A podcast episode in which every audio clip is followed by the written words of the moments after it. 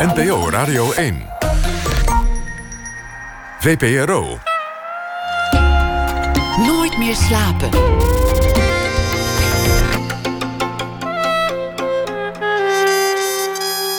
Met Esther Naomi Perquin. Goedenacht, welkom bij Nooit meer slapen. Hans Dorrestein is naast tekstschrijver en cabaretier ook een fervent vogelkijker. En zijn stukjes over het leven als vogelaar zijn nu gebundeld in Dorresteins volkomen vogelgids. Na ene gaan we met Hans Dorrestein het bos in op zoek naar bijzondere vogels. En met componist Merlijn Twaalfhoven gaan we het hebben over Resonance Night. Een concert waarbij 200 zangers een klank verspreiden en die maar liefst 12 uur aanhouden. Maar tegenover mij zit nu Brechtje Hofstede, kunsthistoricus en schrijver. En bij verschijning van haar roman De Hemel boven Parijs, twee jaar geleden, was zij de debutant waar alle uitgeverijen van dromen. Slim, jong, opvallend getalenteerd en nog mooi ook. Het boek werd geprezen, genomineerd, de vertaalrechten verkocht aan Duitsland en Denemarken. Maar zij kampte ondertussen met een goed deels onzichtbaar probleem dat haar volledig dreigde lam te leggen. Een burn-out op haar 24ste. Ergens was dus iets misgegaan, maar waar precies? Vanuit haar eigen ervaring ging ze vanaf dat moment schrijvend en denkend op zoek naar de filosofische en maatschappelijke achtergronden van wat haar eigenlijk overkwam. En niet alleen haar. Keuzestress, de hang naar perfectionisme, onze voortdurende bereikbaarheid, de drang of dwang om alles te beleven, overal bij te zijn. En ondertussen hijgen die yoga-docenten en gezondheidsgoeroes in onze nek met hun adem van goji-bessen en quinoa-salades. De verbinding tussen hoofd en lichaam, geest en vlees, dat vormde al snel de rode draad in haar essays over dit onderwerp. Zij zat opgesloten in haar eigen bovenkamer, maar zette haar schrijverschap in als een breekijzer om dat luik open te frikken en die trap weer af te dalen, terug het lichaam in. En het resultaat ligt vanaf 3 oktober in de winkel: de herontdekking van het lichaam. Brechtje Hofstede, welkom. Dankjewel. Ja, het is natuurlijk een ontzettend ongunstig tijdstip voor jou om hier nu te zitten. Ah, zo laat, ja. Dan probeer je net weer een beetje ritme in de boel te krijgen. Normaal hou ik kinderbedtijd aan. Ja, ja heel verstandig. Ik uh, moet zeggen dat ik getroffen was door een, uh, een, een, een deel van je eerste essay, waarin je verwijst naar een dagboek wat je bijhield toen je als kind. Ja. En je was een jaar of twaalf en daar stond toen een notitie in vandaag, als ik het goed citeer, drie fijne uren doorgebracht in mijn lichaam. Ja. Ik vond het een uiterst merkwaardige en ook een beetje griezelige vondst eigenlijk. Om dat op te schrijven als Nou, als twaalfjarige dacht ik, jeetje, is dat toen al begonnen? Dat je... Ja, ik, ik denk het wel. Ik weet niet of, of dat of die zin, of ik twaalf was, misschien was ik veertien. Maar ik heb die dagboeken teruggelezen die ik vanaf mijn elfde, twaalfde heb bijgehouden. Uh, omdat ik na die burn-out dacht: goh, hoe ben ik hier terechtgekomen? Uh, en dat was een zin die mij inderdaad heel erg trof voor, voor zo'n jong, een kind eigenlijk nog. Uh, dat ik kennelijk ergens wel het besef had dat ik daar zelden was in dat lichaam. Uh, en dat het eigenlijk inderdaad wel iets griezeligs is. Ja. Je bent natuurlijk gaan zoeken naar die sporen op het moment dat je doorkreeg wat er aan de hand was. Misschien is het goed om daar om daar te beginnen. Wanneer merkte je überhaupt dat er iets aan de hand was? Dat, ik, dat er iets aan de hand was qua burn-out? Ja. Uh, daar heb ik nog heel, niet in één klap, nee, dat heb ik heel erg lang ontkend eerst. Dan, ik, ik was, het, het, was wel duidelijk dat er allerlei dingen niet gingen. Dus eh, allerlei lichaamsfuncties langzaam uitvielen. Dus ik was heel de tijd ziek en ik had uh, heel de tijd een oogontsteking en een piep in mijn oor. En ik kon steeds minder goed slapen. En op een gegeven moment ging dat echt nachten achter elkaar. Dat ik zo 60 uur achter elkaar niet sliep bijvoorbeeld. Dus uh, ik, kreeg, ik had ontzettend buikpijn. Dus er waren allemaal dingen die langzaam niet meer gingen. op een gegeven moment dacht ik toen... misschien als ik eens een heel weekend lang niks doe. Gewoon echt een radicale oplossing. Gewoon een heel weekend, of misschien wel drie dagen lang... helemaal niks. En achteraf is dat heel naïef geweest. Maar je denkt heel lang nog, ja, maar ik niet. En bovendien, ik ben 24, ik ben van elastiek. Ik kan niet een burn-out krijgen. Dat is iets voor mensen van 50. Um, dus nee, ik, ik, uh, het duurde heel lang voordat ik het door had. En op een gegeven moment was het gewoon zo dat ik echt niks meer kon. Dan, ik had niet meer de mogelijkheid om te denken: ik kan nog wel even door. Het is niks, er is niks aan de hand. En ik beschrijf in mijn boek uh, het moment waarop dat gebeurde. Toen was ik een, rondje gaan wandelen in het park, want ik was heel moe. Ik dacht dat gaat me goed doen. En ik was gaan zitten aan het einde van dat park, um, omdat ik niet meer verder kon. En ik zat daar een tijdje en op een gegeven moment dacht ik, ja, nu, nu moet ik terug. En het lukte me niet om op te staan. Ik, ik zat te kijken naar mijn benen en ik dacht, nou, hop. Weet je, lopen zoals dat, zoals dat gaat normaal. Dat je je lichaam een opdracht geeft en hij doet het. En dat, dat, dat ging gewoon niet. Ik zat echt een beetje uh, als verlamd op dat, hing ik op dat bankje. En dat was echt heel eng. Uh, en vanaf dat moment, ja, dan is het op een gegeven moment echt als een instorting. Dan, dan wordt het een tijdje dan erger voordat het beter kan worden. Dan helpt je omgeving waarschijnlijk ook niet mee. Want jij bedenkt zelf, ik ben 24, ik ben van elastiek. Mensen van 50 krijgen een burn-out na, na een lang vermoeiend werkzaam bestaan. Maar ik kan me voorstellen dat die reactie ook direct in je omgeving voelbaar. Zodra je moet gaan zeggen tegen mensen: ik heb een burn-out, dan krijg je natuurlijk een, een bak adviezen, oordelen, ongevraagde adviezen ook vaak over je heen gestort. Um, ik, ik kan me voorstellen dat, dat, dat, dat het de boel er niet op vooruit helpt. Laat ik het zacht mm, uitdrukken. Nee, nee ik, was, ik ben wel heel blij met het, het bestaan van het concept burn-out. Want ik kan me voorstellen dat als je in sommige landen hebben ze, kennen ze dat niet. Uh, en als, als je daar geen term voor hebt, voor dat soort chronische, enorme vermoeidheid, waardoor, waardoor je echt een soort van tijdelijk gehandicapt bent, hoe moet je dat dan uitleggen? Dat is wel, het was wel heel fijn dat er, dat er een paraplu voor is waarvan je zegt: Oké, nou, je hebt er wel eens van gehoord, dat heb ik dus. Dat, dat maakt het enorm makkelijker, een stuk makkelijker om dat te zeggen. Maar het, blijft heel gek om. Uh, de eerste reactie is altijd: maar je bent zo jong. Hoe kan dat dan? En ook, uh, dat hoor ik heel de tijd. Wat is dat toch voor modeverschijnsel, burn-out? Vroeger werkten de mensen toch veel harder dan nu.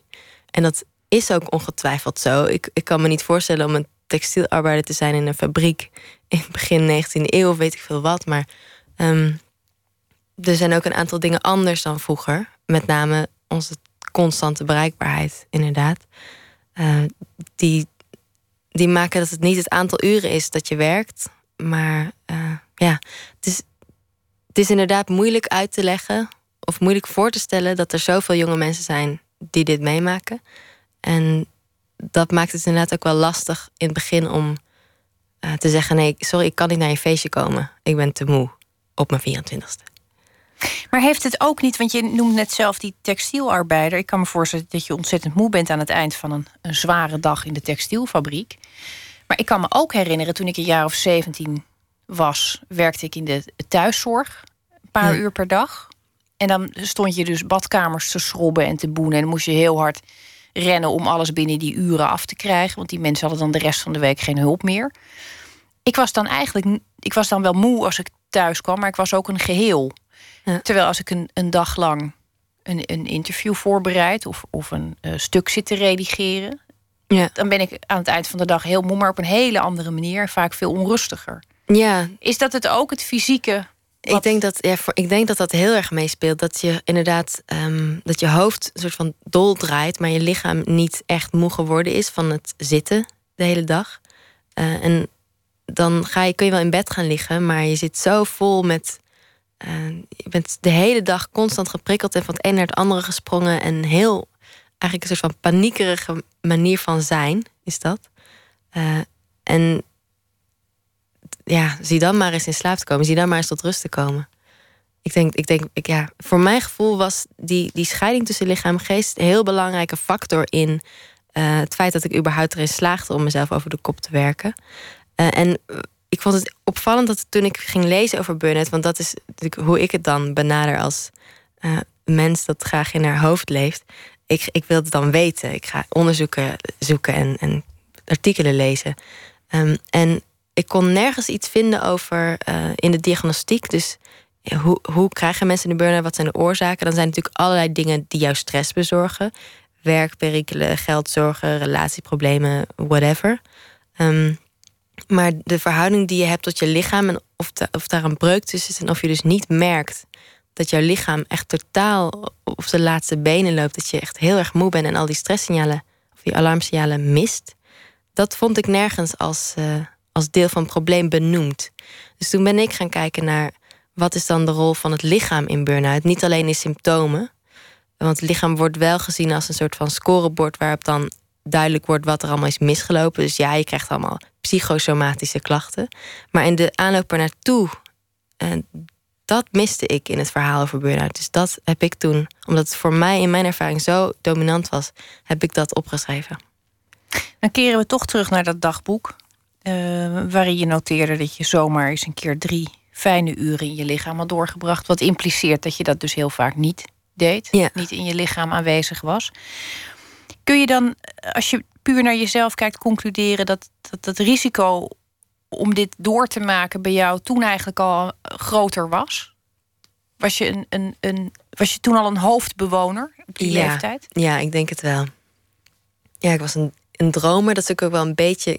Ik, ik ben niet voor niks schrijver geworden. Dat past ook wel um, bij mij. Zo, zo een, een, wereld in je hoofd bouwen, dat vond ik altijd al fijn. Um, maar het is ook, ik denk in de puberteit is iedereen een beetje een hoofdbewoner. Want wie is er nou in de puberteit comfortabel in zijn vel? Je lichaam gaat allemaal hele gekke dingen doen. Je wordt groot, je krijgt een baard in je keel of je krijgt borsten. En dat is allemaal, dat is allemaal gek en eng en raar. Dus maar het is wel heel aanwezig daar. Het is heel aanwezig, maar, maar wel op, op, een op een vervreemdende manier. Um, en uh, ik denk dat ik niet alleen ben in het als puber dan daar een beetje ja, met argusogen naar kijken en een veilige heenkomen zoeken eigenlijk in je hoofd.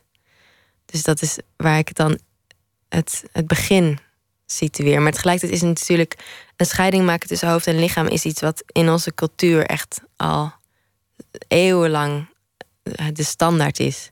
En zeker sinds de verlichting, dat is, daar kun je bijna niet omheen. En als je dus al een beetje de neiging hebt om dat te doen, dan heb je dan duwt alles jou verder die kant op.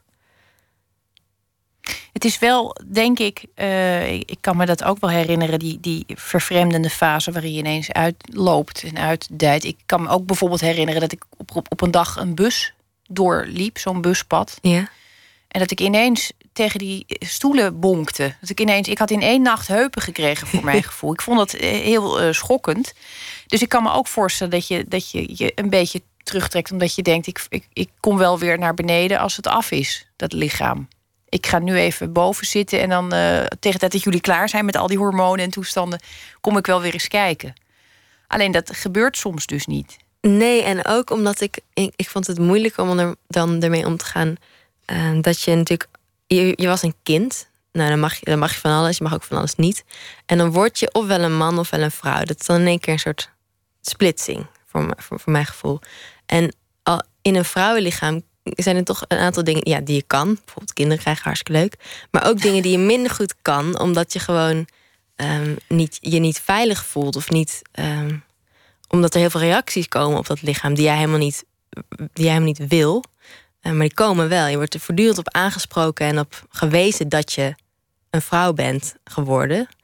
Uh, en ik vond, ik vond het heel moeilijk om mee om te gaan. Dus dat is voor mij een extra reden geweest, denk ik, om dan toch maar lekker veilig in dat hoofd te blijven zitten. Toen je die zoektocht begon, want je. uh, even om het, om het beeld duidelijk te maken, dit, dit gebeurde op het moment dat je ontzettend succesvol uh, debuteerde met de hemel boven Parijs. Dat ging gelukkig niet in één klap. Dat boek lag niet direct. Je zat, je zat niet direct uh, primetime televisie te doen de hele maand. Um, dat is achteraf een zegen geweest, want het, het viel samen. Heb je dat boek nog af kunnen ronden? Heb je dat echt op je tandvlees moeten um, doen? Ja, eigenlijk was ik uh, al voor dat boek in de winkel lag, dus eigenlijk een, een, jaar van tevoren was dat ik echt instortte, dat ik echt die burn-out, uh, dat ik echt moest erkennen: oké, dit, is, dit, is dus, dit is dus een burn-out. Uh, en ik had toen het, het grootste deel van het boek al geschreven. Er lag een eerste versie die al best wel ver af was. Uh, maar het afwerken daarvan, dat heb ik echt op mijn tandvlees gedaan. In, in blokjes van, ik weet niet, vijf minuten. En dan weer een half uur gaan liggen. Het was echt gekke werk, maar ik kon het ook niet loslaten. En het is dan ook een beetje het, laatste. Je wilt, je wilt je ergens aan vasthouden. Want um, ik denk dat uh, ja, burn-out gaat vaak samen met depressie. En me kan, me kan het ook goed voorstellen, omdat alles wat jou zin geeft, wat je doet om jezelf te definiëren van ik ben iemand die schrijft, ik ben iemand die dit werk doet, ik ben iemand die veel vrienden heeft, ik ben iemand die sport, wat je ook maar bedenkt, dat valt allemaal weg. Je kunt dat allemaal niet meer. Dus je wilt heel graag nog iets kunnen. Dus ik heb natuurlijk eerst, misschien het eerste half jaar, echt helemaal niks gedaan. En daarna toch, of de eerste paar maanden, en daarna toch inderdaad op mijn tandvlees, zo goed zo kwaad als het ging, dat boek toch maar afge, afgewerkt. Dus, maar die, dat het verscheen en dat ik. Toen ben ik ook hier geweest. En ik weet nog heel goed dat ik de, de trap zo bij het, bij het station van Hilversum op en af liep. Heel voorzichtig, omdat ik heel bang was om er af te vallen. Omdat ik dat heel vaak deed. Dan had ik een soort van flauwte of zo. En dan flikkerde ik van trappen. En dus dat was, die, die, dat was een hele vreemde situatie. Ja, dat ik heel erg. Iedereen zei: Oh, wat goed, wat gefeliciteerd, wat gaat het goed. En, ik, ik knikte mee en ik dacht: Ja, ja, maar je moest eens weten. Ik ben er nog net. Ik ben er nog net, ja. Nou, dat is ook, vond ik, uh, intrigerend aan, aan dit onderwerp. Hoe je een, een schim lijkt te worden van jezelf. En tegelijkertijd ben je natuurlijk voortdurend omringd door een wereld die eist dat je aanwezig bent.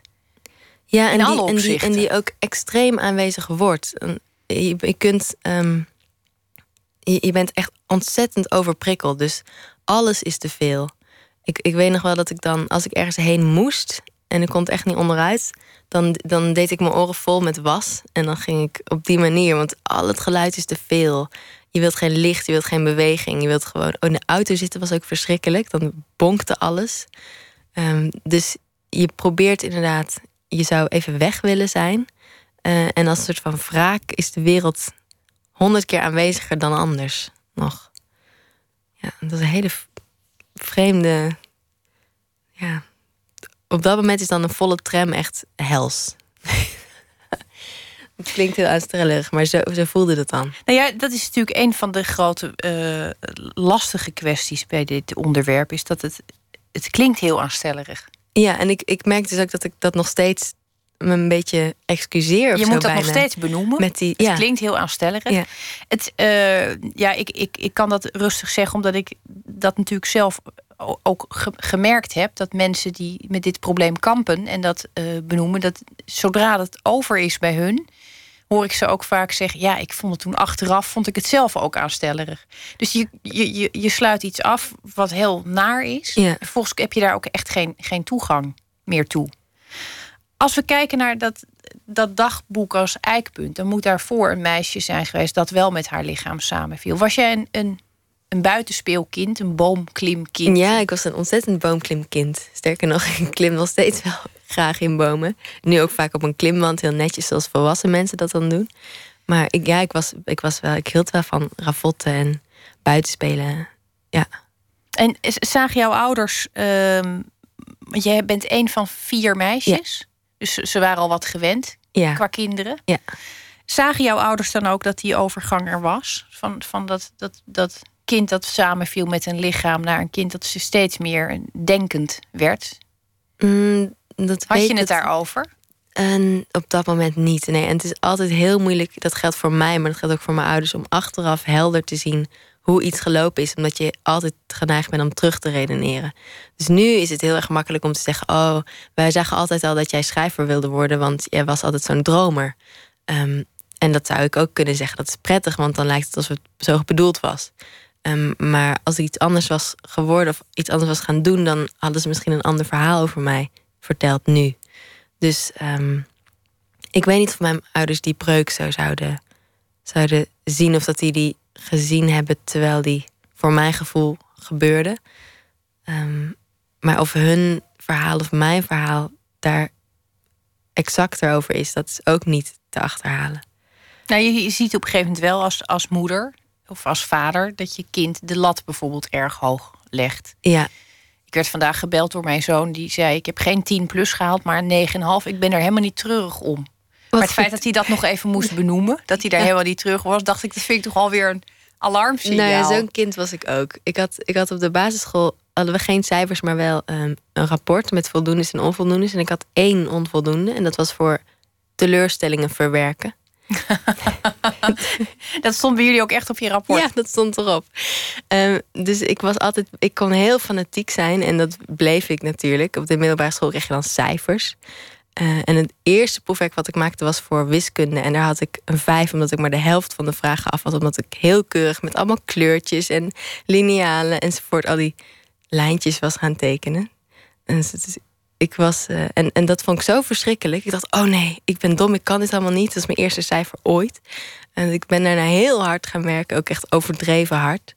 Um, dus ja, ik denk dat het al heel vroeg duidelijk was dat ik, uh, dat ik wel aanleg had voor dit soort.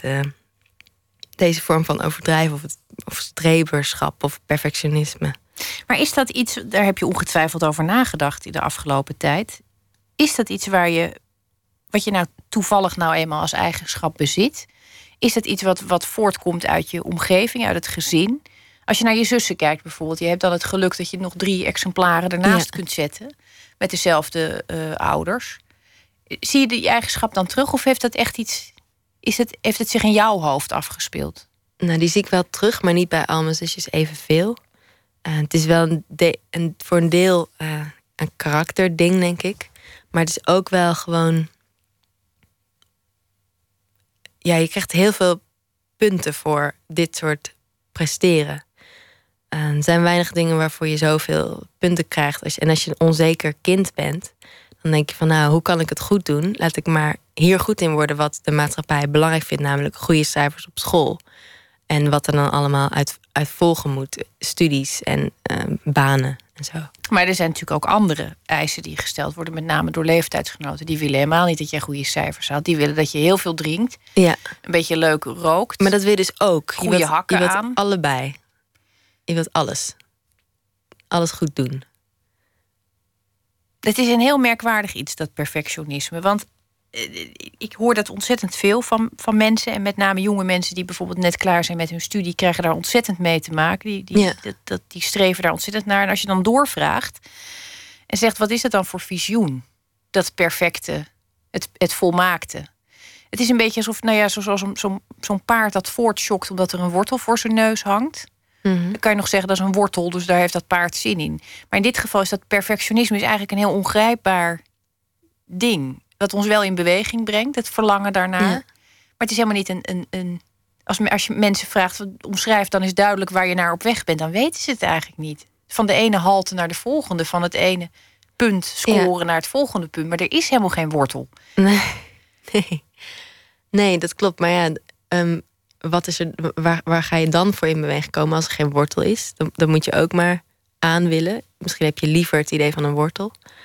Ehm, en ja, ik denk dat het. We zijn gewend, of in ieder geval.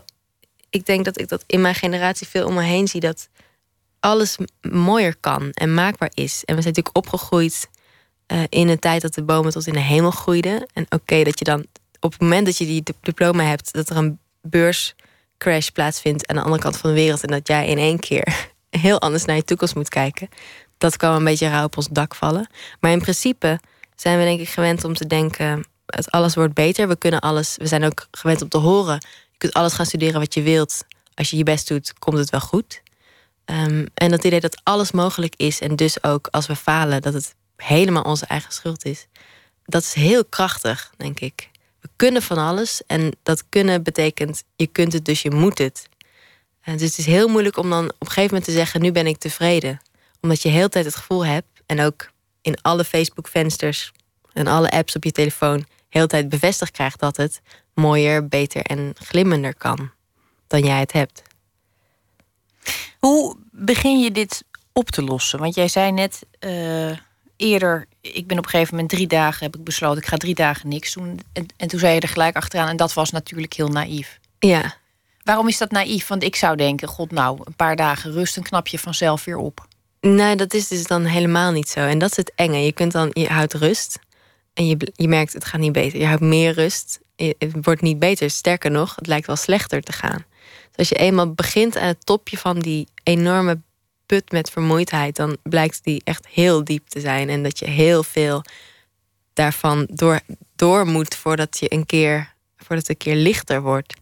Eh, dus ja, nee, dat, eh, dat, dat, dat, duurde, dat duurde en dat, dat duurt maar. Is, is kinderbedtijd dan de oplossing? Moet je dat dan je leven lang gaan volhouden? Ik hoop het niet. Maar ik, ik ben wel nog steeds bezig met het, staartje van die burn-out. Of in ieder wat ik hoop dat het staartje is. En wat, maar wat mijn aanpak was, ja, ik wist op een gegeven moment echt niet meer wat ik moest doen. En toen heb ik me ingeschreven voor een meditatiecursus. ik had ook wel behandelaars. Ik had een psychiater gesproken. Ik had een psycholoog gesproken. Ik had een, nou, ik, had een aantal van die um, deskundigen in de arm genomen of me gemeld. Van help. maar wat uiteindelijk bij mij het beste werkte, want op een talige manier daarmee omgaan, zoals een psycholoog dan doet, dat werkte niet zo goed. Want ik had taal. Uh, en ik kon allerlei uh, slimme verhalen ophangen over waarom ik dacht dat ik hier terecht was gekomen. Maar daar schoot ik niet veel mee op. En toen ben ik uiteindelijk toch maar, ondanks mijn uh, nuchtere um, achterdocht, naar een meditatiecursus gegaan. En toen moest ik gewoon gaan zitten en voelen wat er gebeurde. En dat is natuurlijk verschrikkelijk als je heel moe bent, want je voelt alleen maar: ik ben moe, ik ben zo verpletterend moe. Um, maar heel langzaam leerde ik daardoor om te kijken wat gebeurt er in mijn lichaam.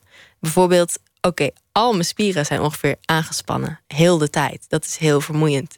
En als je dat merkt, dan kan je gaan proberen om ze los te laten. En dan leer je dan langzaam. En op een gegeven moment denk je er, moet je er twintig keer per dag aan denken van, oh ja, ik zit weer helemaal krom achter een computer, dus misschien geen goed idee.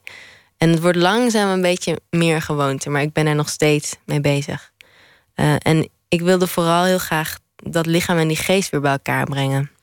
Een soort van verzoening tussen die twee, omdat ik denk dat uh, ja, mijn geest draait dol als ik niet een soort van anker heb in dat lichaam. Je kunt bijvoorbeeld eindeloos zwerven over uh, het wereldwijde web en nooit eens een keer landen. Dat is, daar word je gek van. En dus voor mij lag de oplossing in het, in het vinden van een. Ja, het terugvinden van die verbinding. Maar daar ben ik nog steeds mee bezig. En een van de manieren waarop ik dat gedaan heb, is dus het schrijven van dit boek. Uh, waarin ik, omdat dat mijn manier is, er gewoon ook over nadenk en probeer te vatten. Um, en de andere manier is ja, fysiek. Dus wandelen, um, liggen. Tuin omspitten. Dat is ook heel fijn. Ja, een tuin zitten koken.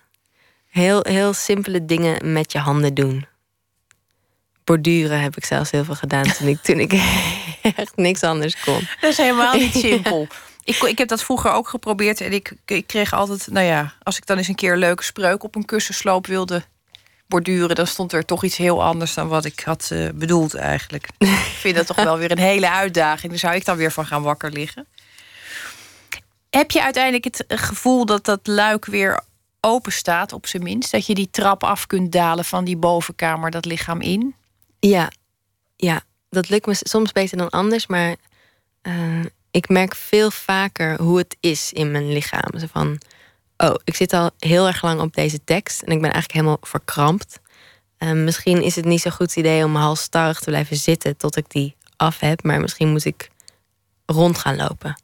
En dan merk ik bijvoorbeeld dat ik ook buikpijn heb als ik ergens gespannen over ben en dat het helpt om te bewegen. Dus ik merk steeds beter wat er gebeurt en kan daardoor ook een soort van ja, vluchten uit die bovenkamer in dat lichaam. Want dat is een hele fijne plek eigenlijk. Je hebt er geen wifi, je bent er veilig. En dus ja, dat helpt, dat helpt mij.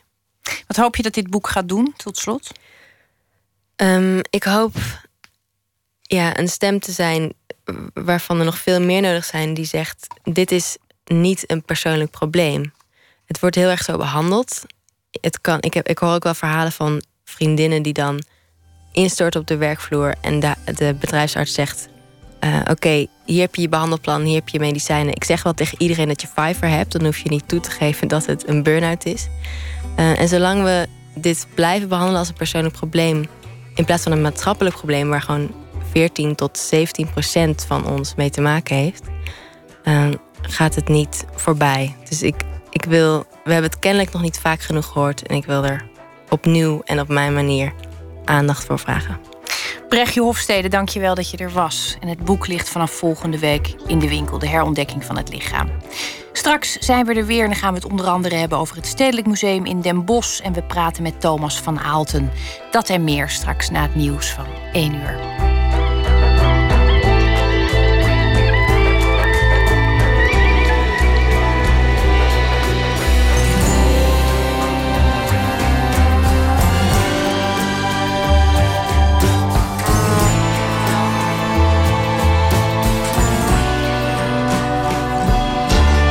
Radio 1.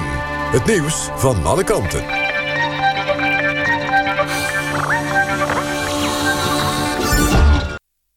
1 uur, Mark Hokker met het NOS-journaal. Bij een ernstig ongeluk met een spookrijder op de A2 bij Best... zijn twee mensen om het leven gekomen. Twee anderen zijn er volgens de politie slecht aan toe. De spookrijder reed frontaal op een andere auto. Daarin zaten drie mensen, een gezin. De vader is overleden, de moeder en de zoon zijn zwaar gewond... naar het ziekenhuis gebracht. Volgens de politie is het een enorme ravage op de snelweg. De A2 is bij Best in de richting van Maastricht afgesloten. Van woningen in Nederland is vanaf vandaag de WOZ-waarde openbaar. Op internet is daarvoor een register gelanceerd, woz-waardeloket.nl. Bij dat register zijn ongeveer 100 gemeenten aangesloten... met een kwart van de huizen in Nederland. Andere gemeenten is het vanwege IT-problemen niet gelukt... om op tijd de gegevens aan te leveren. Door de waarde van onroerende zaken openbaar te maken kunnen mensen makkelijker de waarde van hun huis vergelijken met dat van anderen en op die manier zien of er onverklaarbare afwijkingen in zitten. Het Russische ministerie van Buitenlandse Zaken roept de Nederlandse ambassadeur in Moskou op het matje in verband met het onderzoek naar de ramp met de vlucht MH17. De ambassadeur moet zich maandag op het ministerie in Moskou melden. Gisterochtend ontbood minister Koenders de Russische ambassadeur... om hem te laten weten dat Nederland niet blij is... met de Russische kritiek op het internationale onderzoek. 25 gemeenten mogen vanaf volgend jaar gaan experimenteren met de bijstandsregeling. Dat heeft staatssecretaris Kleinsma van Sociale Zaken afgesproken met de deelnemende gemeenten. De bedoeling is om bijstandsgerechtigden minder verplichtingen op te leggen en meer ruimte te geven in zichzelf te investeren. Het weer opklaringen en het blijft op de meeste plaatsen droog. Alleen langs de kust is kans op een enkele bui. Het koelt af naar 7 tot 10 graden. Overdag schijnt met name verder landinwaarts de zon geregeld. Later vanuit het zuidwesten meer bewolking en buien met kans op onweer. Het wordt 17 tot 19 graden. Dit was het NOS Journaal. NPO Radio 1. VPRO. Nooit meer slapen.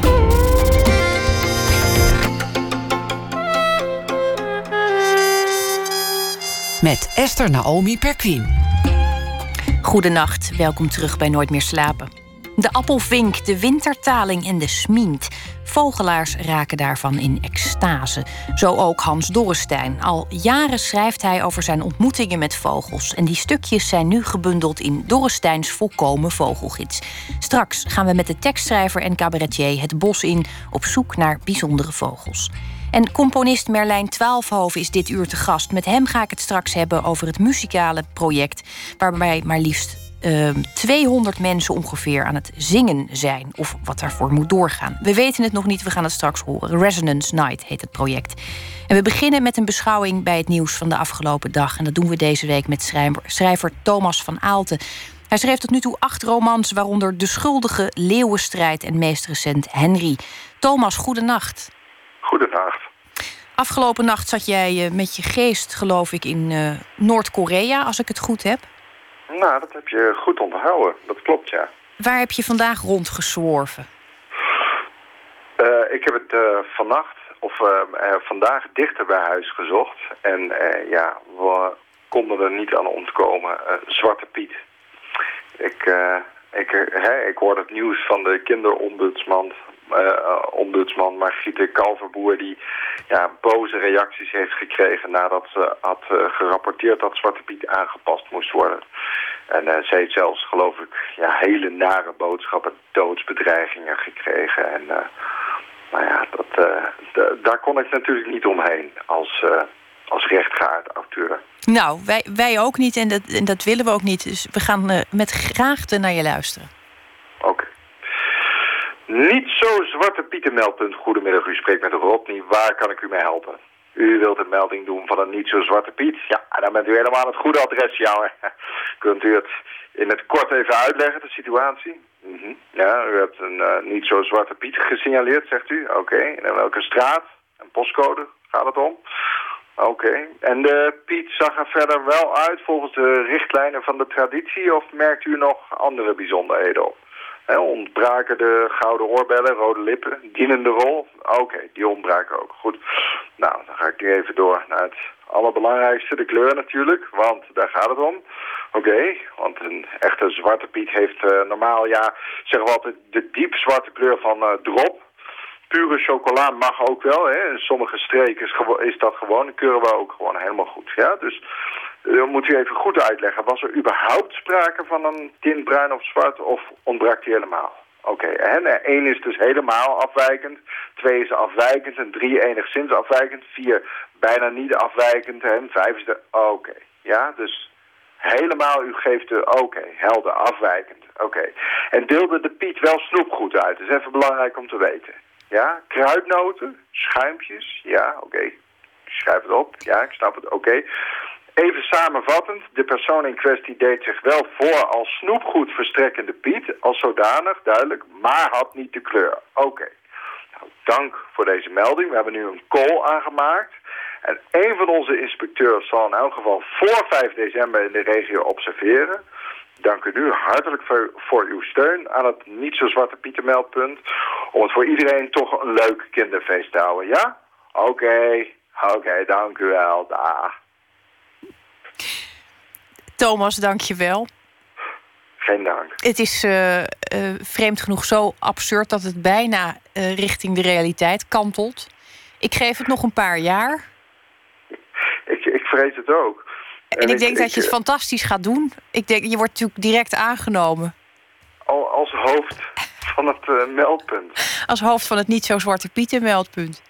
Oké, nou, ik zal deze taak met verven zal ik deze uitvoeren. We zijn je ontzettend uh, dankbaar. Ook voor de rest van de week. Maar ik, uh, ik, ik heb zomaar het vermoeden dat dit uh, kleine pareltje van jouw kant nog heel vaak herhaald gaat worden de komende tijd. Geen dank. Slaap lekker. Dankjewel. Over de uit Kopenhagen afkomstige zangeres Agnes Obel wordt wel gezegd dat ze de stem heeft van een engel. Het is natuurlijk niet uitgesloten, maar oordeelt u zelf. Dit is Agnes Obel met Golden Green.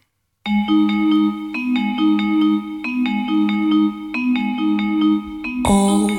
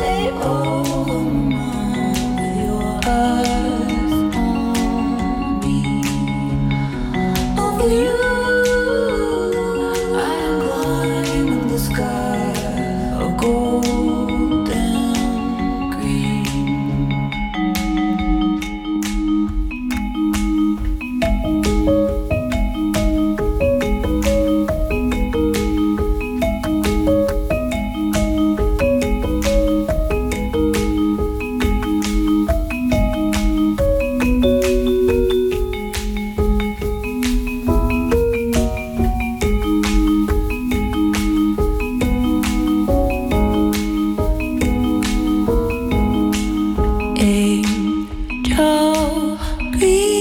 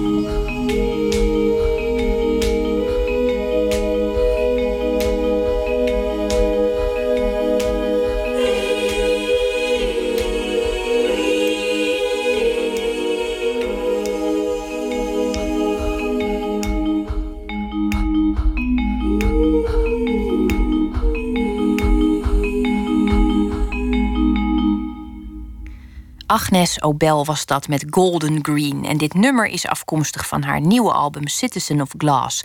En dat is dan weer een verwijzing naar het Duitse Gläserner Mensch, wat staat voor het ongewenst verzamelen van data. U begrijpt, ook mensen met een stem als een engel ontkomen helaas niet aan de nodige pottenkijkers. Nooit meer slapen.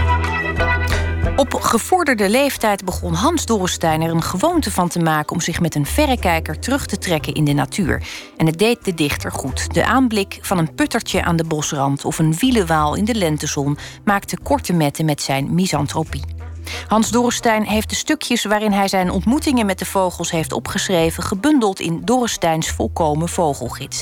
En Matthijs Deen, die als hij niets om handen heeft ook graag een vogeltje ziet, pakte zijn verrekijker en zocht de schrijver op.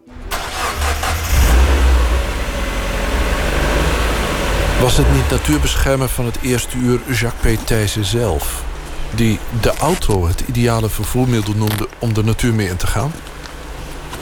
Met stapvoets benaderd, blijven de vogels vaak rustig zitten eten. Zodat je ze door je kijker grondig in je op kan nemen. Waar gaan we nu naartoe? Eh, naar het Heelsumse bos. Niet Hilversum, maar Heelsum. En waarom? Uh, dat is een bos.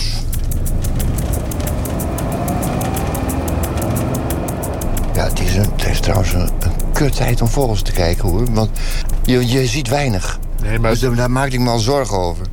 Dat is het mooie van radio. Als ik wil dat hier in de auto een vogel is, dan is dat... Dan is een vogel. Is dat, bij deze geregeld? Ja, maar dat is ook zo. En, en, en ik, ik ben gelukkig ook niet, niet echt helemaal afhankelijk van de werkelijkheid. nou, maar, ga, eh, ga, maar naar links. rechts dan even weer vast. Ik, stel, ik, stel, weet je, ik ga me een beetje op de weg concentreren. Gaan we zo meteen ja, ja, ja, ja, ja, dit is heel levensgevaarlijk, zo'n gesprek. We rijden een onverharde weg op. Maar, ja, het is... Terwijl we stuiteren zien we rechts glooiende hei en weidegronden... en links doemt de bosrand op van het Hilsumse bos. Nu en dan minderen we vaart, zoals dat gaat met vogelaars. En gaat het raampje open. Kraaien zijden laag boven de grond. Een torenvalk hangt biddend in de wind. Ah, nu heb ik hem. Ja, heb je hem? Ja, de torenvalk heb ik hier ook heel veel gezien, hoor. En is het dan belangrijk dat je, dat je de soort gezien hebt? Ja, ik, ik, ik ga nooit naar... Ik ben geen soortenzoeker. Ik heb toevallig de, de roodkeelnachtegaal gezien. Ergens in Noord-Holland. En dan is iedereen verrukt. En ik, ik, ben, ik, ik voel me machteloos en wanhopig. Want ik weet dat beest is verloren. Zelfs als hij het overleeft, dan heeft hij geen partner. Dus daar, daar word ik niet vrolijk van.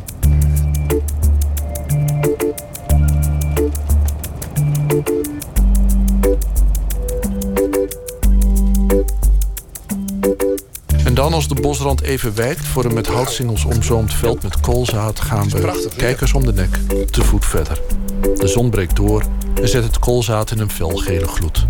Een windvlaag trekt de eerste herfstbladeren los.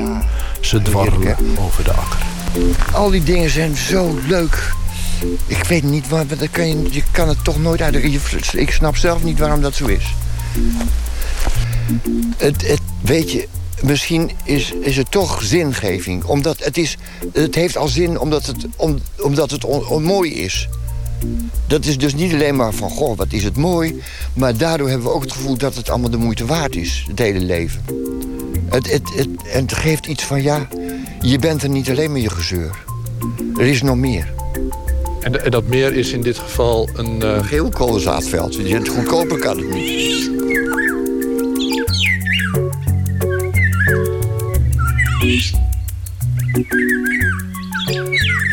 Het is geen geheim dat jij een, een zwak hebt voor de widoaal?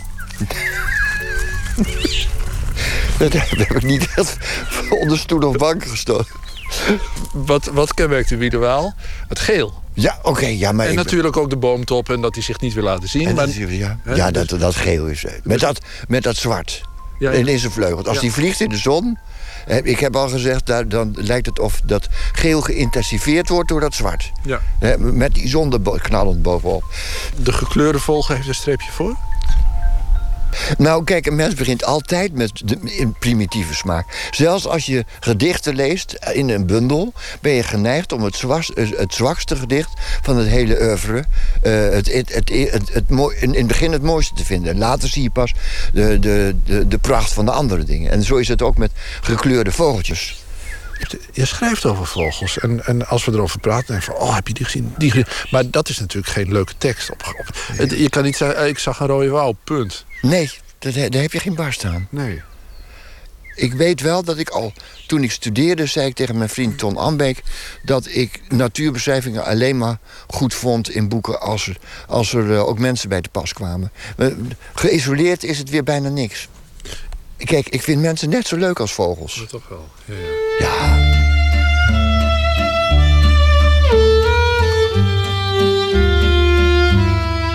Klinkt dan weer alsof je als twee geweldige filosofen door het land gaat. Maar daar ben ik gewoon te dom voor. Maar ik heb wel, het, het, het, het, het geeft ook troost. Uh, oh ja, nou, dit is, het is... Hoe vind je dit erg? Moet het... Of... Ja, ik, we horen een, uh, een vrij grote, uh, misschien wel een legerhelikopter. Ja, de legerhelikopter. We, we zitten hier vlakbij Ede. Daar, uh... hij komt over. Ja, nee, dat, kijk, dat vliegt natuurlijk ook. ook. Maar ook, dat is ook weer wat. Ik vind bijvoorbeeld vliegtuigen bijna net zo mooi als, als vogels, hoor. Nou, zo meteen. Nee, Wat is hier? Een boomklever. Ja? Ja. Dat is dat drukken. Dat vind ik wel. Ik bedoel, er is, er is hier een, een groot monster, een oorlogsmonster met twee grote wieken die, die enorm lawaai maakt. Ja. En jij... ja, maar het grappige is, vogels komen daar makkelijk overheen.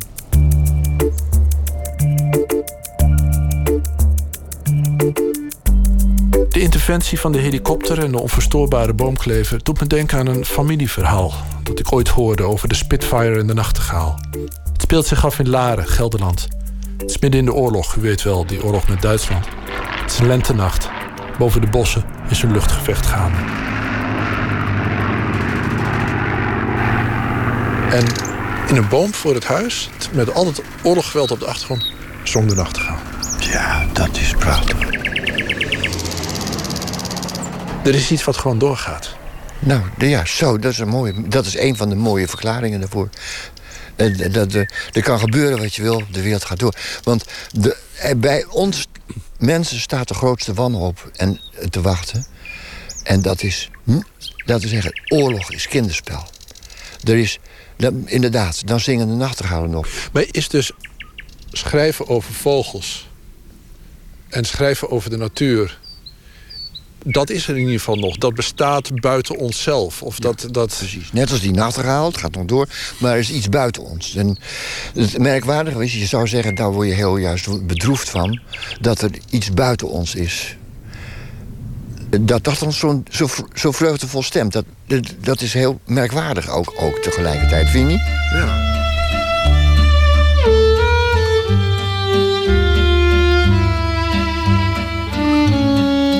Ja, ja, weet je, er valt zonder te leven valt ook zonder kunst te leven.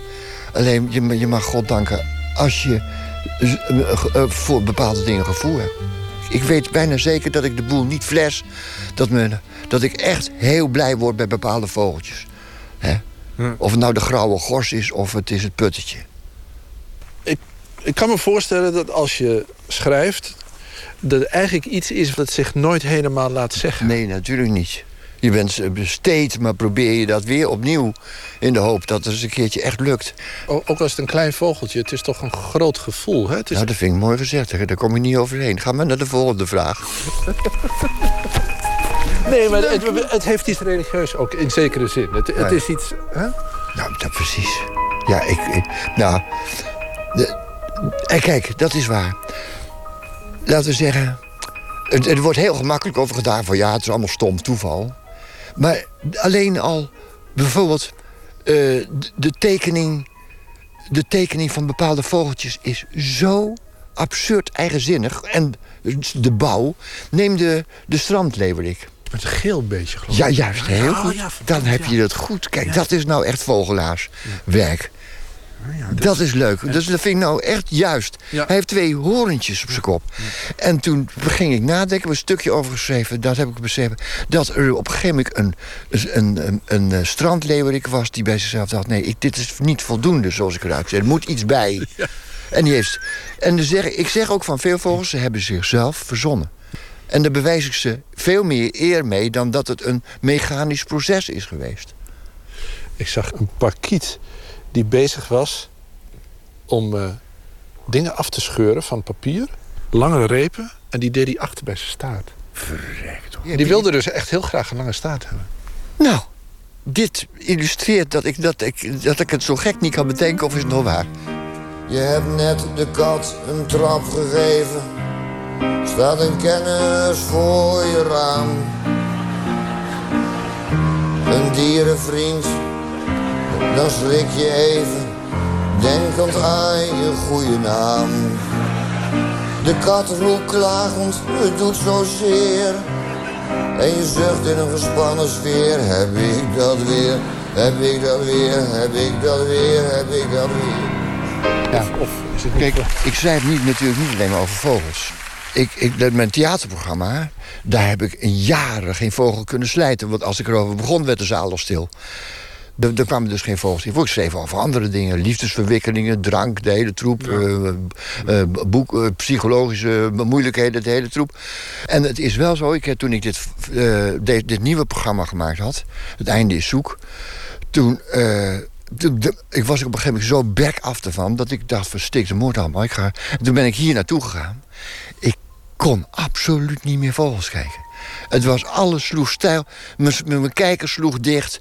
Uh, ik wist niet waar ik moest zijn in de bladerkronen. Ik heb echt een hele een, een, een paar uur lopen sukkelen. Het lijkt wel of dat ten koste gaat van het vogelskijken, bedoel ik maar. Het, het, of schrijven over iets anders. Weet je, als een jaloerse minnaar. Die van, uh, je bent...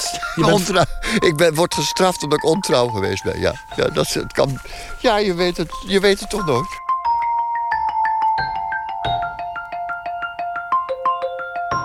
U hoorde Hans Dorrestein op pad met onze verslaggever Matthijs Deen. Dorresteins Volkomen Vogelgids is een uitgave van Nijgen en van Ditmar. Binnen een jaar is de Amerikaanse rapper Mac Miller alweer terug met een nieuw album, genaamd The Divine Feminine. En u hoort hem met Bilal en zingt het nummer Congratulations.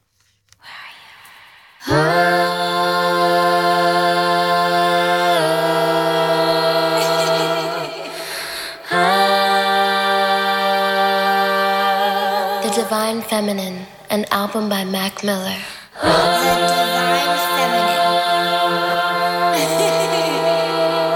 The Divine Feminine. the Divine Feminine.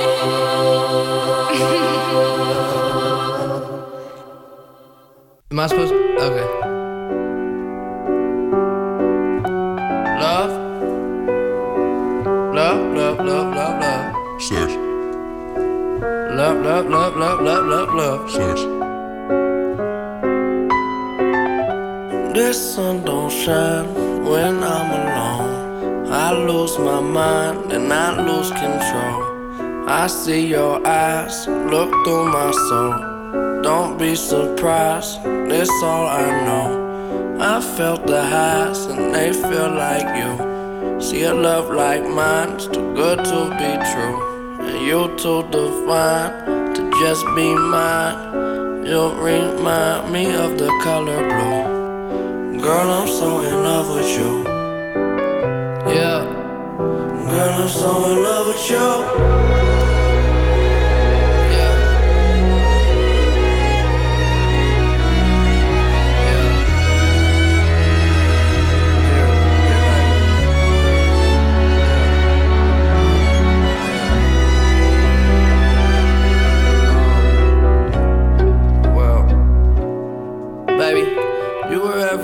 Ever wanted. Bought a wedding ring, it's in my pocket. Planned to ask the other day, knew you'd run away, so I guess I just forgot it. Remember when you went away to college? I was on the phone, we ended up talking. Past, present, future, all the gossip. Goddamn. puppy love ain't what it was, darling. Feelings that we had were so alarming. I could make you laugh, I could break the glass if we made it last. It'd be a bargain, Mr. Charming. That is my department. You was there before the fancy cars, and you was there when I was just a starving artist. When the car was having trouble starting. Now we got our own apartment, same box for the mail, same hamper for the laundry. The food in the fridge is stale. And this morning, you cooked the eggs with the kale. I tried to hit it while you was getting dressed. You said, All you ever think about is sex. I'm like, Oh well, you know me so well. And if this would make you late, I swear I won't tell. And every time I call your phone, you better pick up your cell. I swear to God, I'm a freak out if it goes straight to voicemail. Well, I'm the jealous type, but I swear that ass what heaven's like. And when I'm in that pussy, it's a better life. That's the only way I'm trying to end the night. It's my only chance, I better get it right.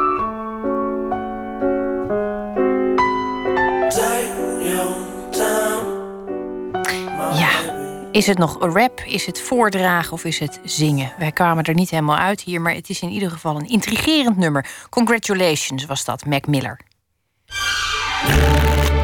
Open kaart. In onze rubriek Open Kaart trekt de gast kaarten uit een bak met 150 vragen over werk en leven. En deze keer doen we dat met componist Merlijn Twaalfhoven. Hij maakt een naam met grote multidisciplinaire evenementen waarbij mensen betrokken worden die niet zo snel met klassieke muziek in aanraking komen.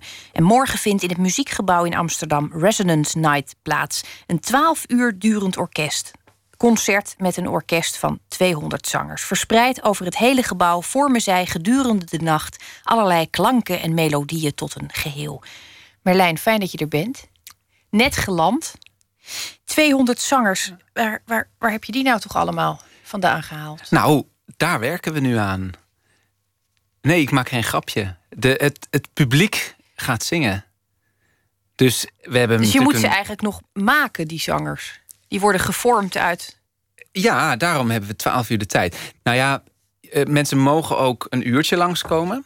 Uh, er komen ook mensen die ik natuurlijk in mijn achterban... Uh, in eerdere projecten die wel, wel mee hebben gedaan... die zijn van harte uitgenodigd. En die zeggen vaak, nou, ik zie wel. um, maar het publiek hoeft ook niet mee te zingen. Maar ja, het is echt een, voor mij een... ja, een nieuwe stap uh, in ja, hoe ik als muzikant als het ware wil omgaan met mijn publiek. Ik heb al heel lang geleden geroepen... we moeten dit, dat, eh, de grens tussen het podium en de zaal uh, doorbreken. We moeten het publiek actiever erbij betrekken. Um, maar toch, ja, ik heb zelf van allerlei ideeën, allerlei plannen... en ik, ik hou van componeren, dus ik kom toch altijd met van alles. en nu heb ik een keer gedacht, ik ga niks componeren.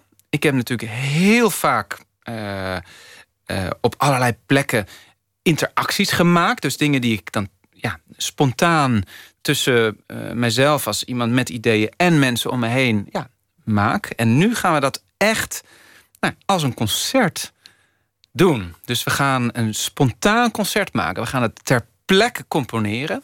Ik ben ook niet de enige die uh, met ideeën er rondloopt. Ik heb een aantal solisten gevraagd, een aantal dirigenten, mensen die uh, van heel verschillende muzikale stijlen. Dus we lopen wel met, nou, er zijn uh, wel een flink aantal hele bijzondere mensen die rondlopen. Maar ook zij hebben niet een schema van jij, jij eerst en dan jij en dan jij. Um, zij krijgen van mij eigenlijk een hele belangrijke instructie. En dat is luister eerst neem dan echt de tijd om te kijken hoe ga ik hier uh, een antwoord op geven. En het mag soms ook stilvallen. En dan kunnen we ook gewoon echt denken, nou, en wat voor klank komt er nu? Wordt het ook eh, prachtig als het mislukt? Um, of kan dat eigenlijk niet? Oh, ik vind het zelf best eng.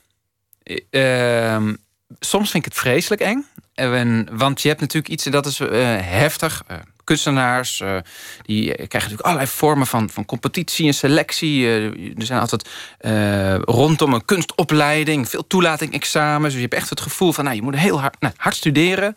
Je, je wordt toegelaten, fantastisch. Op een gegeven moment ben je afgestudeerd. Dan is er de grote, grote kans van, mag je optreden? Word je gevraagd? Kun je zelf het podium pakken?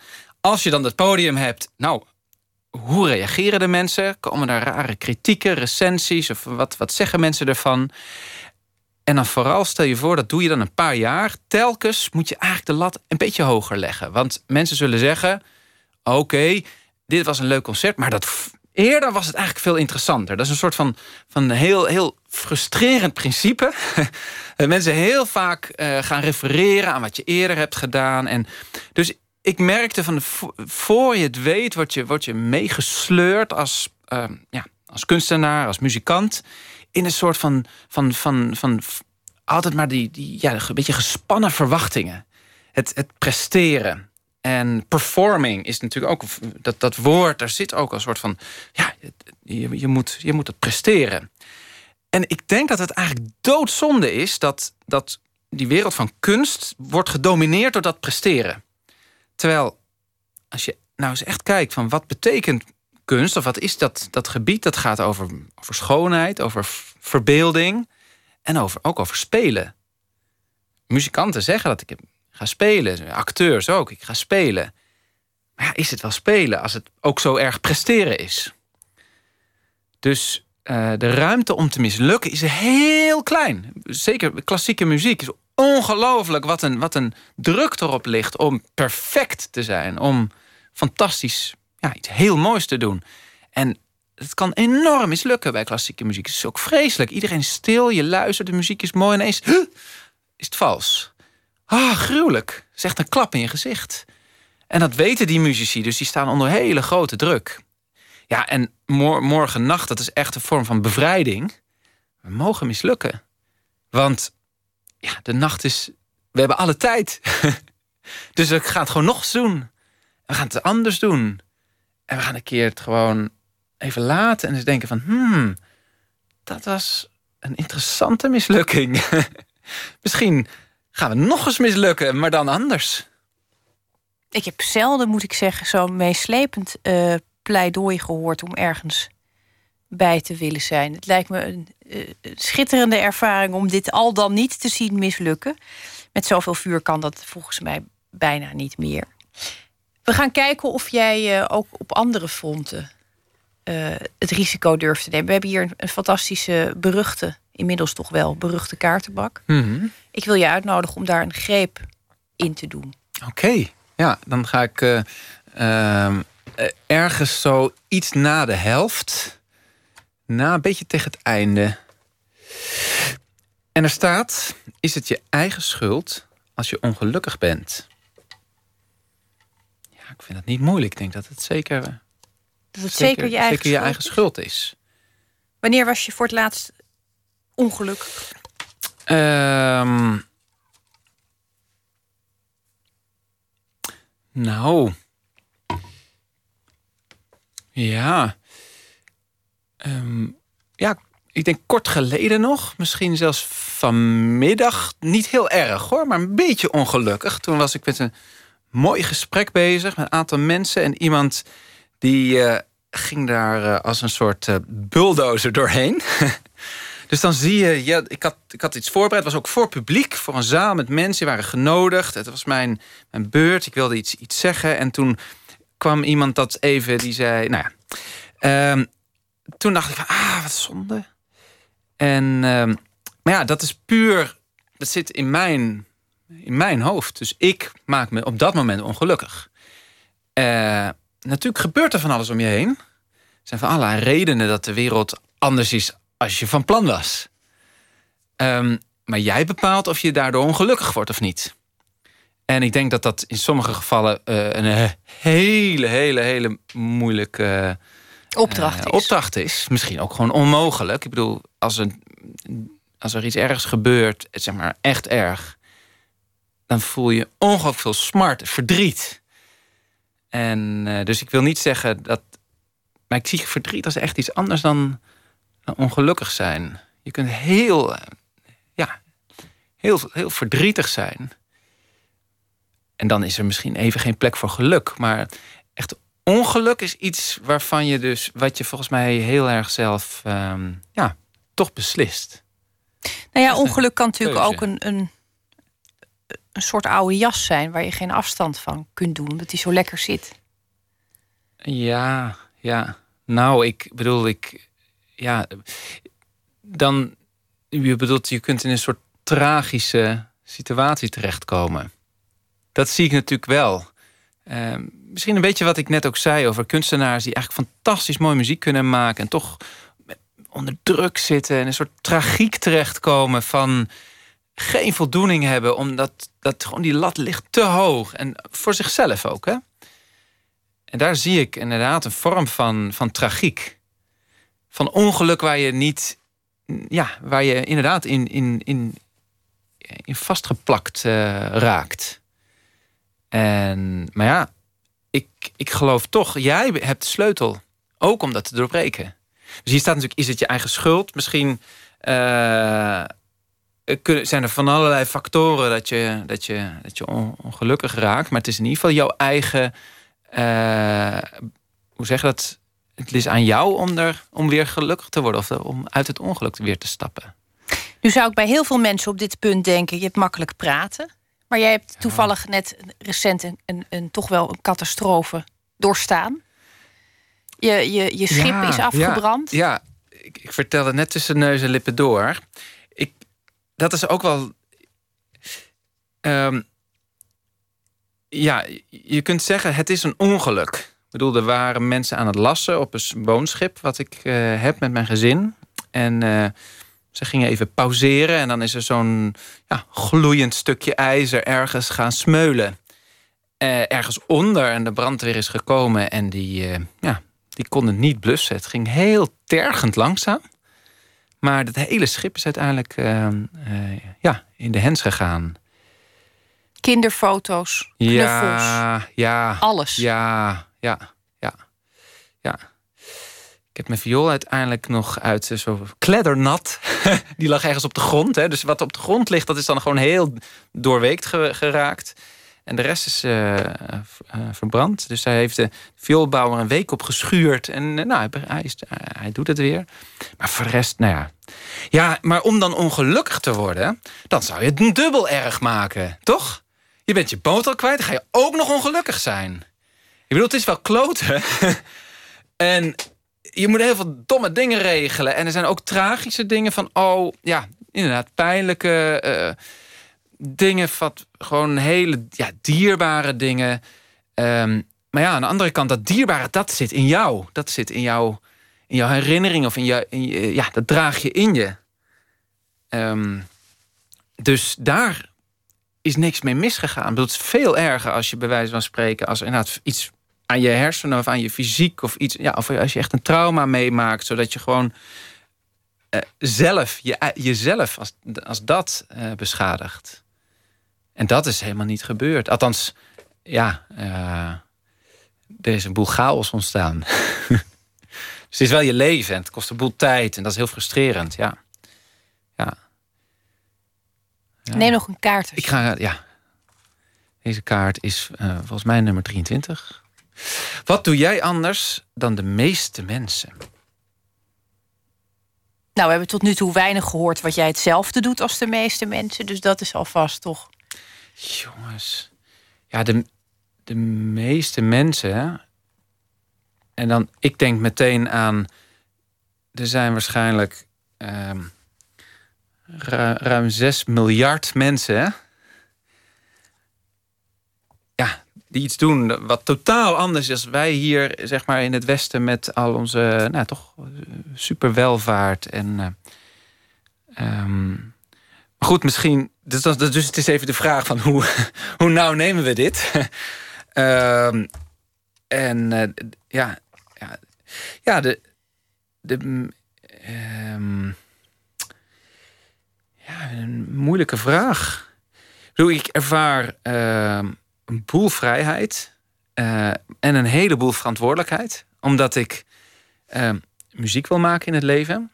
En uh, je zou kunnen zeggen, dat is zo universeel en toch zit er niemand op te wachten. Dus er zit een hele rare soort vorm van. Iedereen houdt van muziek. Er bestaat geen enkele cultuur ter wereld waar geen muziek is. En toch heb je de hele tijd het gevoel van: hallo.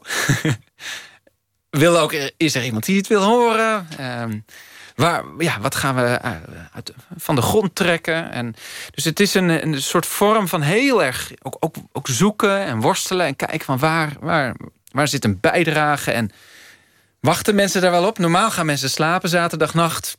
Ik ga de hele nacht in een muziekgebouw klanken maken.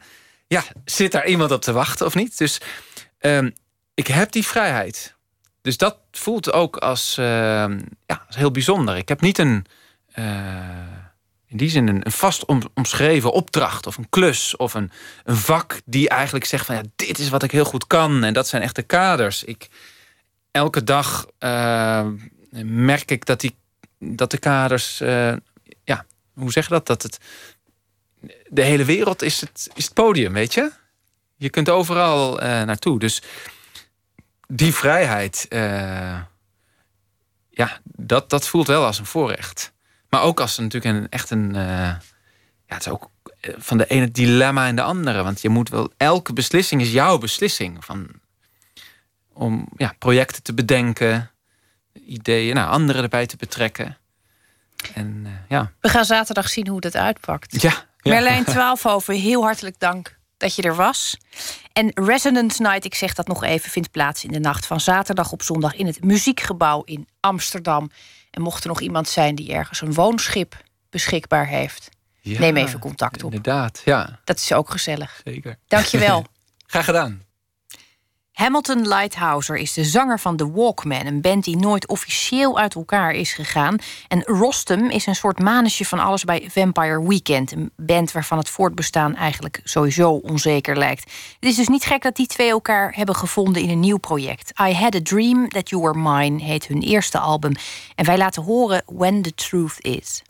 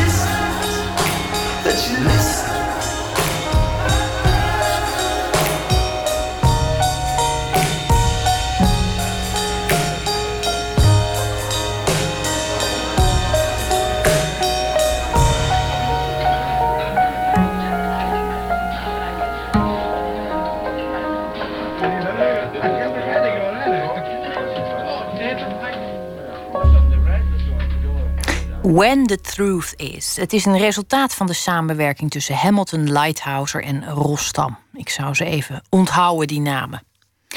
In Den Bosch viert men nog steeds het Jeroen Bosjaar. De stad herdenkt op alle mogelijke manieren dat de bekende bosschilder 500 jaar geleden overleed. En het Stedelijk Museum in Sertogenbos stelt nu een hedendaagse analogie van zijn beroemde drieluik Het Laatste Oordeel tentoon. Een installatie van Pipi Rist verbeeldt de hemel, het videowerk van Gabriel Lester de aarde en de illustere broers Jake en Dinos Chapman hebben de hel nagemaakt. Verslaggever Luc Hezen vroeg de bezoekers naar hun mening. Ik ben met school ook naar dit museum geweest toen uh, de Jeroen Bos expositie was. Ik ben begonnen bij uh, Heaven, bij de hemel. In het begin mochten we dan op een soort van berg gaan liggen. En dan uh, keek je op naar een heel groot beeldscherm waar dan de hemel op werd uitgebeeld. Dus heel veel planten en naakte vrouwen. Ja, je gaat liggen en het komt echt zo op je af. Je kunt er ook helemaal in wegdromen eigenlijk. Vrouwen, fruit, ja, menselijk fruit, echt fruit platgeknepen fruit. Het heeft wel iets met lust te maken. Zo van heerlijk dat fruit pletten met je voeten en dan stroomt het weer weg. Ik vond het wel echt een tuin der lusten. Ja, je merkt wel een link dat het heel veel naakt ook was, wat je bij Jeroen Bos ook ziet. Omdat je toch vrij bent als het ware. Dus je hoeft ook niks aan te trekken dan wat mij betreft. Ja, daarnaast heb je uh, de aarde en je hebt meerdere schermen om je heen. Ik dacht dat het in India was opgenomen. In zo'n soort steile wandconstructie waar auto's overheen rijden. Dus je kan het een beetje voorstellen als de binnenkant van een vat, van een houten vat inderdaad. Dus eh, daar rijden autootjes, uh, echte auto's, maar die rijden rond. En uh, je hoort die wielen over die planken gaan. En dat geeft een heel repeterend geluid. En je ziet ook mensen die bovenaan dat vat staan, die erin kijken. Je zou kunnen zeggen, als we van bovenaf op de wereld kijken... waar alles rondkrioelt en, en draait en doet. Het symbool voor het leven, voor het aardse leven misschien. Je ziet een, denk een Indische uh, man. En hij vertelde over reïncarnatie. Dus het had iets te maken met ja, aarde en hemel. Het leven en doodgaan, denk ik. De derde, ja, dat vond ik heel uh, bijzonder. Nou, dat is dan de hel. En uitgebeeld met ontzettend veel uh, ellende, dode mensen, gespieste hoofden op stokken. Kleine poppetjes, eh, bomen. Het, eh, ja, het is een heel stil leven en allemaal van verderf. Afgehakte ledematen die samen weer een swastika vormen. En het zijn eigenlijk negen vitrines en die vormen zelf ook weer een swastika. Je ziet daar vooral hel en verdoemenis. En uh, ja, eigenlijk alles wat wij mensen elkaar op de wereld aandoen. Ik vond het meer mooi dan dat ik me de hel bij voorstelde. Ik had bij de hel echt veel meer lava bedacht of zo. En iedereen die doodging. En uh, dit was vooral meer vechten in een rotsachtige omgeving. Alsof je in een soort van game zat. Het is echt gruwelijk. En tegelijkertijd is het met een enorme precisie en gevoel voor schoonheid ook uh, in elkaar gezet. Ik was uh, bij het drieluik van Jeroen Bos, waar je uh, de hel, de hemel en de aarde, ja, de hel, aarde en de hemel ziet. dat, daar zie je wel veel meer lava terug en zo. Ik vond dit eigenlijk wel een mooi wereldje. Het duurt al zo lang alles rond Jeroen Bos. Ik ben er eigenlijk een beetje mee klaar. Ik ben dol op Jeroen Bos. Ik vind het geweldig, maar ik vind niet dat alles nu aan Jeroen Bos hoeft te worden opgehangen. Dus ik zou deze drie prachtige installaties liever ieder op hun eigen kwaliteit uh, beoordelen dan daar Jeroen Bos weer bij te halen. Het is een modern drieluik. Ik vind het een goede manier om te laten zien dat het nog steeds heel actueel is wat Jeroen al, uh, al schilderde toen. Ik vind die binnen juist wel mooi. Het is denk ik meer een kwestie van subsidiepotjes, als ik eerlijk ben. Denk wel vier ballen, omdat ik het vooral met de hel heel mooi uitgebeeld vond. Oh, zeker vier, zeker vier, vijf, ja. Ik geef wel vier en een halve bal. Vier dan? Drie, vier sterren? Want het kan altijd nog beter, maar het zit mooi in elkaar. De tentoonstelling Heaven, Hell and Earth is nog tot 15 januari 2017 te zien in het Stedelijk Museum in Sertogenbos. How to Dress Well is het project van de in Berlijn wonende Amerikaan Tom Krell, waarmee hij avontuurlijke elektronische RB maakt. En het nummer dat we nu gaan horen heet What's Up.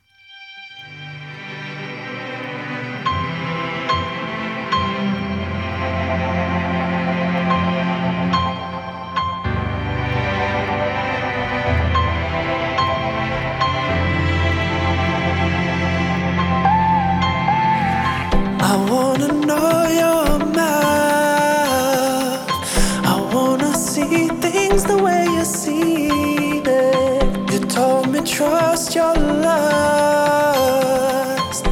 Yeah, now I know what's up. And it is up to us to see what we are made of. Yeah, if you make a mess of me, I wouldn't change one thing. Yeah, baby, it's up to us to see what we are made of. When my body's gone, tell them I'm missing. Say,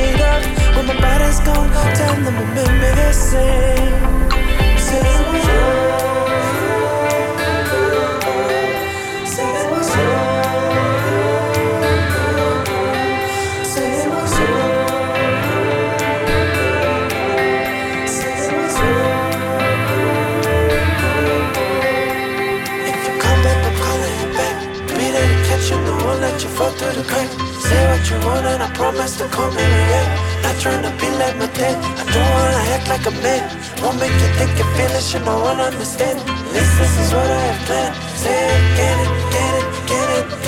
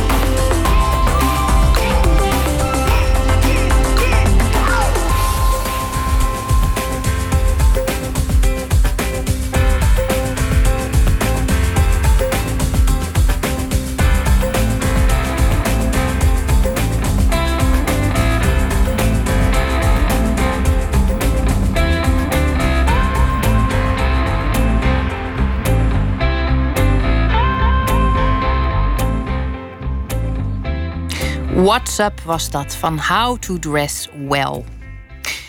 Dit jaar is voor de vierde keer de Korte Golf radiowedstrijd georganiseerd. Iedereen mocht een radiodocumentaire of hoorspel insturen van maximaal drie minuten. En daarin moesten dan wel een paar vaste ingrediënten voorkomen. Een afgeluisterd gesprek, een slaapliedje en in de titel moest een kledingstuk genoemd worden. Een jury koos de vijf beste inzendingen en wij hebben er deze week elke avond één laten horen. En nu heeft er nog één van ons te goed. En dat is Relatietherapie in Babypyjama van Joyce de Bats. We hebben altijd al een heel passionele relatie gehad. Maar in die periode was het echt verschrikkelijk. Um, het zal deels ook wel iets hormonaals geweest zijn, denk ik. Um, maar ik kan nu achteraf wel zeggen dat ik echt een monster was. Nee, het was echt niet gemakkelijk om met mij samen te leven. We hebben negen maanden lang echt heel heftige ruzies gehad. Met deuren slaan, roepen en tieren, dingen op de grond gooien. Echt alles erop en eraan. Ik begon ook informatie op te zoeken over uh, co-ouderschap en dat soort dingen. We konden ons ook echt niet meer herinneren waarom dat wij die beslissing hadden genomen om aan kinderen te beginnen. Dat is echt wel heel erg.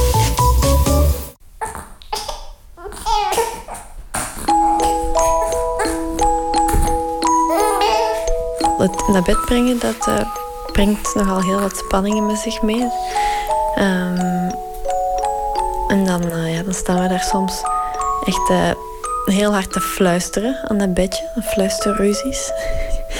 um, en ook al een keer dat ik hem een stomp heb gegeven. En dat hij dan in mijn neus knijpt.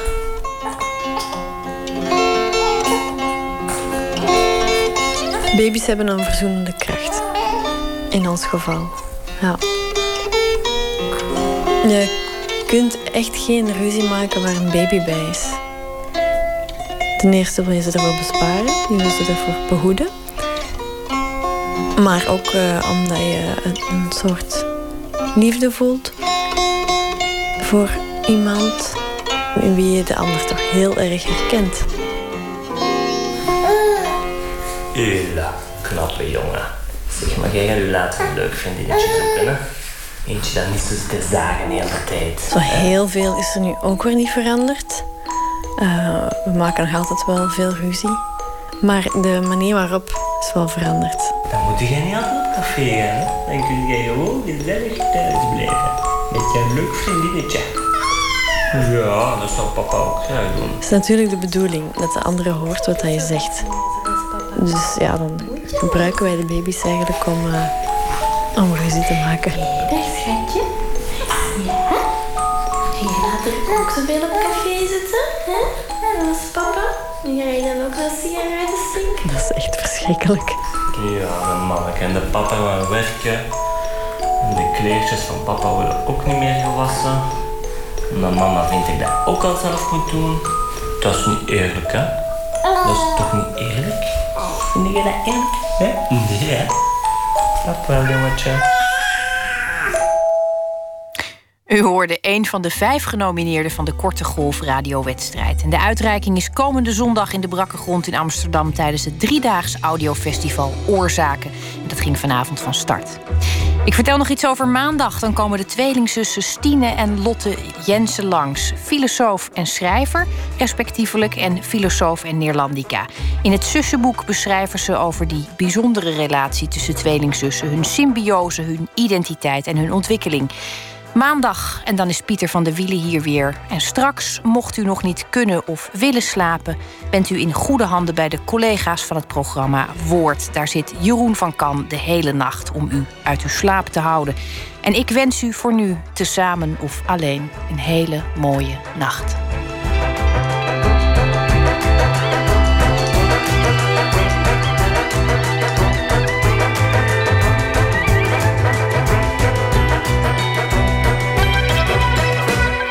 Op Radio 1, het nieuws van alle kanten.